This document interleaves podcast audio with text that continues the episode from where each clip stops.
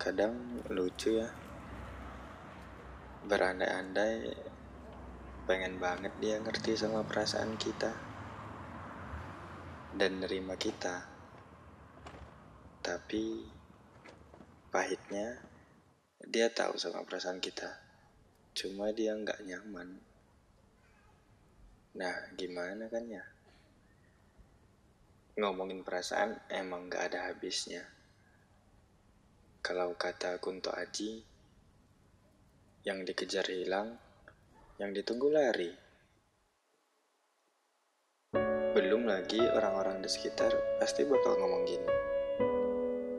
Udahlah Suatu saat pasti ada yang nerima perasaan tulus kamu itu.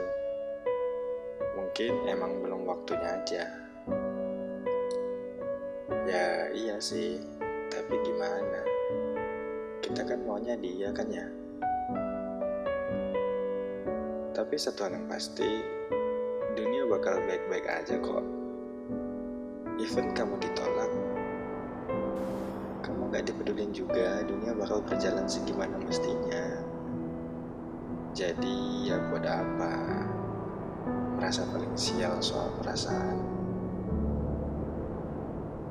karena emang ya nggak apa-apa ditolak dihiraukan dan dibiarkan. Ya emang sakit dan emang gak enak. Tapi bukan berarti semuanya bakal seterusnya kayak yang kamu rasakan sekarang kan? Jadi udahlah ikhlas